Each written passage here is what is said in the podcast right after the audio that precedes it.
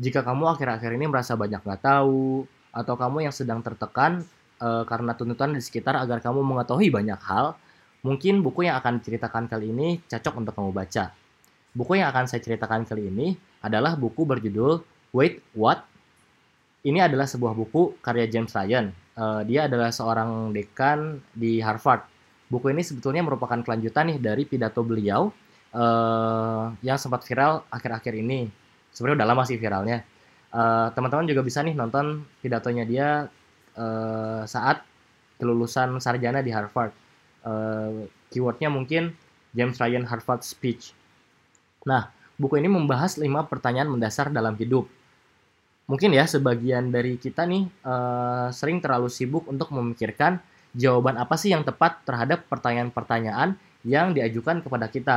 Dibanding kita memikirkan Kira-kira pertanyaan apa yang tepat untuk kita ajukan? Sebagai seorang lulusan atau sebagai pelajar di suatu jurusan atau bahkan seorang profesional sekalipun, kita khawatir dianggap tidak kompeten kalau misalkan kita nggak tahu atau nggak bisa menjawab pertanyaan-pertanyaan yang seharusnya kita ketahui jawabannya. Misal, lulusan bidang kesehatan, ketika keluarganya atau teman kantornya nanya terkait suatu masalah kesehatan, dan orang yang ditanya kebetulan nggak tahu jawaban apa yang bisa diberikan, gimana. Padahal sejatinya, teman-teman, tugas utama kita bukanlah memberikan jawaban loh ter, e, terhadap sebuah pertanyaan gitu. Tapi tugas kita adalah adalah apa? Ya, saya kasih contoh dulu. Seorang guru misalnya, kita sering menganggap bahwa guru harus mengerti segala hal di suatu topik.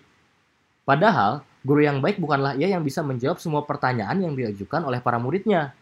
Tapi guru yang baik adalah ia yang dapat memberikan pertanyaan yang menggugah murid-muridnya untuk tertarik, untuk belajar lebih, dan untuk mencari tahu terkait suatu topik.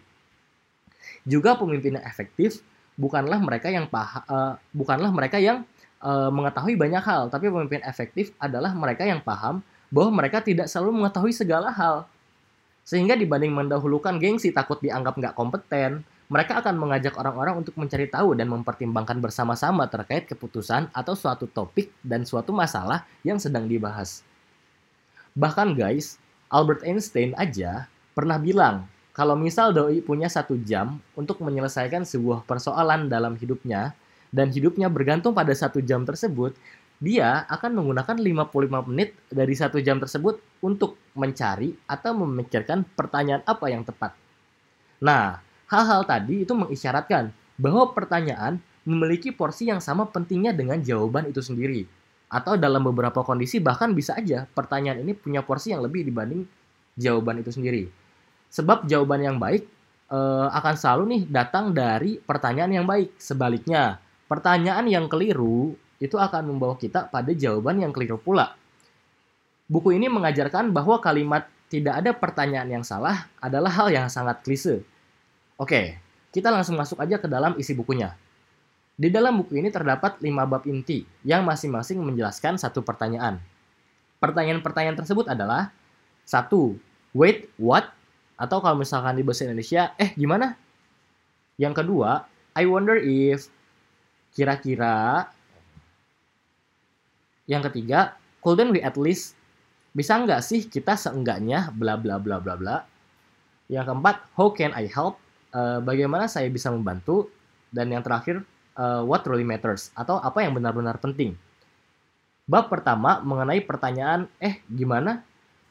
Pertanyaan ini nih sebenarnya adalah sebuah pertanyaan yang bersifat sangat fleksibel dan sering kita temukan secara nggak sengaja di kehidupan sehari-hari.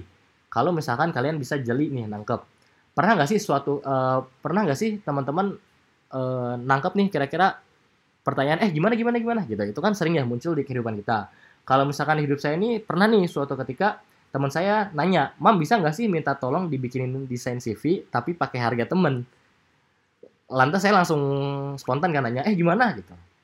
Lalu ternyata akhirnya setelah saya tanyakan begitu dengan sendirinya doi bayar pakai harga normal. Seperti yang seharusnya.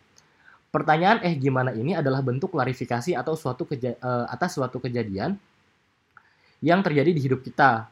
Contohnya, bisa yang tadi uh, saya sampaikan atau bisa juga ketika teman-teman nih ingin uh, meminta penggalian mendalam terhadap suatu informasi yang masuk, misal ke dokter.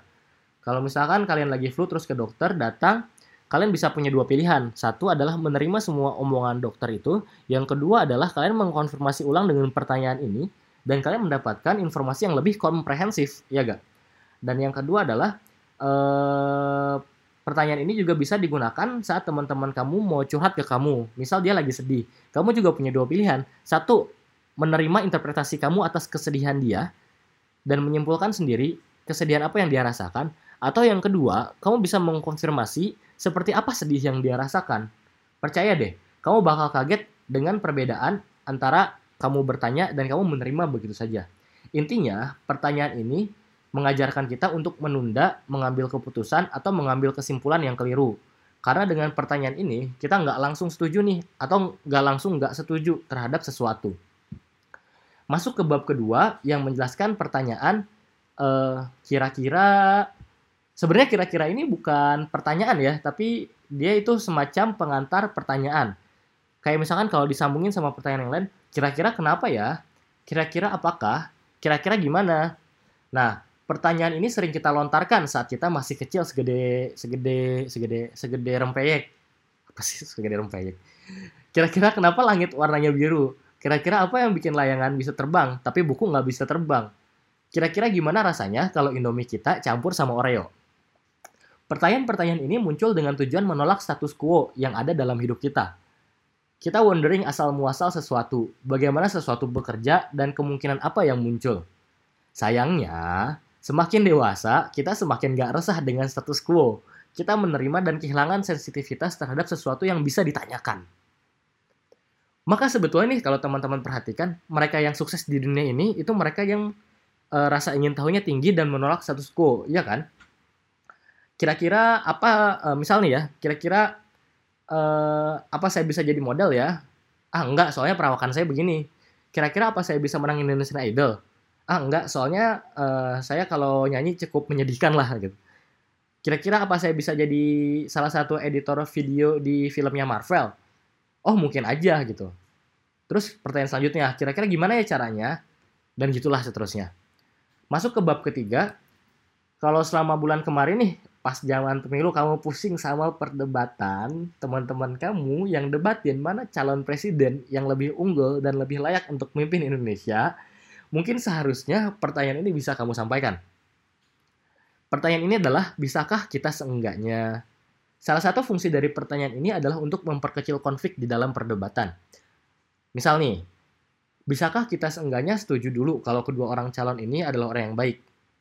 Atau, bisa juga kamu gunakan ke konflik perdebatan lain yang menurutmu bukanlah jenis perdebatan yang mengundang berkembangnya pengetahuan. Jadi kayak debat kusir biasa aja lah kayak gitu. Selain meminimalisasi konflik, pertanyaan ketika ini e, bisa juga nih berfungsi untuk mematik aksi yang diharapkan. Kayak gimana tuh?